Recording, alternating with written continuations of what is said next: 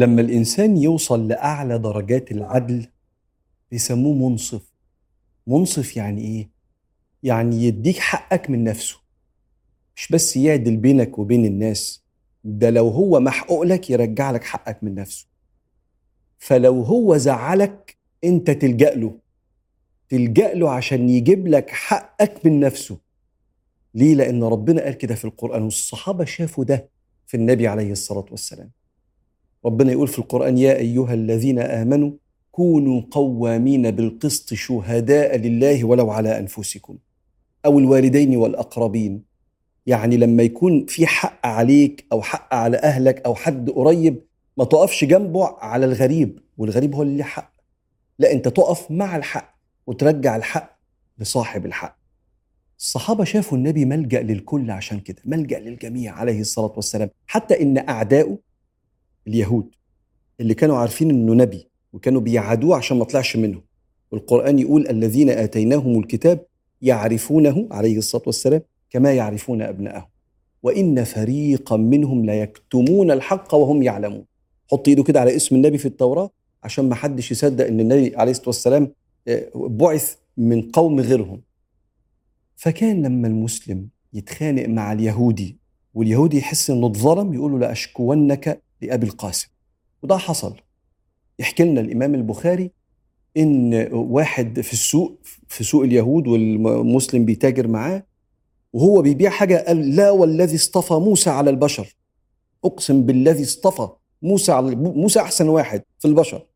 فبيحلف بسيدنا موسى ما هو يهودي نبيه. فقام المسلم لطمه. وقال أتقول ذلك ومحمد رسول الله بين أظهرنا؟ أنت بتقول اصطفى موسى؟ لا اصطفى محمد طبعا. قال أنت بتضربني بالقلم تلطمني لأشكونك لأبي القاسم. وراح لسيدنا النبي يا أبا القاسم ما بال هذا يلطمني؟ لأن أنا قلت والذي اصطفى موسى على البشر فغضب النبي صلى الله عليه وآله وسلم. وقال لا تخيروا بين الأنبياء. تقعدوش تتخانقوا على الحتة دي. فوالذي بعثني بالحق ينفخ في الصور يوم القيامة فأكون أول من يبعث. فأرى موسى ممسك بقوائم العرش فأقول لم يصعق بالصعقة الأولى أم أنه بعث قبلي؟ فاكر لما سيدنا موسى قال له ربنا أنا عايز أشوفك أرني أنظر إليك. قال لن تراني ولكن انظر إلى الجبل فإن استقر مكانه فسوف تراني. فلما تجلى ربه للجبل جعله دكا وخر موسى صعقا. فسيدنا محمد بيقول لا يكون ما تصعقش في القيامة لأنه تصعق قبل كده فخلاص عدت عليه الصعقة الأولى بصعقته الأولى أم أنه بعث قبلي؟ ثم قال صلى الله عليه وسلم شوف هو بيقول لهم أفضلية سيدنا موسى بينصف اليهودي بيجبر بخاطر اليهودي وبيعلم المسلم. ثم قال ولا تخيروا أحدا على يونس ابن متى. مش عشان يونس ابن متى بسبب قومه فربنا خلاه يروح في بطن الحوت تقولوا إن في حد أحسن منه. ولا تخيروا أحدا على يونس ابن متى. كأنه صلى الله عليه وسلم بيقول للصحابة وللمسلمين خليكم منصفين خلي في عدل. لما هم تعاملوا معاه شافوه كده رغم إنه عنده القوة والخناقة عليه. يعني اللي بيحلف اليهودي ده يقول والذي اصطفى موسى. فالطبيعي إن النبي يقول له لا أنا خير الناس. وهو فعلا النبي خير الناس. بس هو بيعلمهم إن البني آدم يبقى دائما عنده شيء من الكرم والعطاء والإنصاف ليه تضربه بالقلم عشان كلمة قالها زي دي؟ عشان كده ما تستغربش بقى. لما جه النبي عليه الصلاة والسلام يحارب اليهود اللي في خيبر اللي عمالين يطلعوا الدسائس ويتفقوا مع المشركين عليه فطلع لهم جيش. من ضمن اللي طالع في الجيش كانوا 1400 ودول آلاف. فإحنا محتاجين كل راجل. كان في صحابي اسمه عبد الله بن أبي حدرد.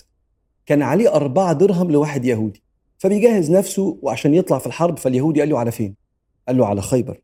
النبي قال لنا هنحارب وفي غنائم لأن القرآن نزل ومغانم كثيرة تأخذونها. فالنبي وعدنا. قال له أنت فاكر إن أنتوا تكسبوا خيبر؟ دون ده أنتوا هتتهزموا وهتقتلوا هناك. تعالى هنا أنت عليك أربع دراهم ما تمشيش أنت هتتقتل. اديني الأربع دراهم قبل ما تروح تحارب اليهود اللي هم حبايبي وقرايبي ويقتلوك هناك. قال له بس النبي وعدنا إن إحنا هنكسب وهنرجع. قال له لا أنا عايز الفلوس. هشكيك لأبو القاسم. راح اليهودي لسيدنا النبي. يا أبو القاسم أنا لي أربعة درهم فالنبي قال له أعطيه حقه يا ابن أبي حدرد. قال له مش هقدر يا, النبي يا رسول الله عليه الصلاة والسلام. قال أعطيه حقه. قال له مش هقدر. قال أعطه حقه وكان النبي إذا ثلث القول لا يراجع. لو النبي قال ثلاث مرات اسمع الكلام. سيدنا عبد الله بن أبي حضرد كان عنده عمامة وعنده إزار.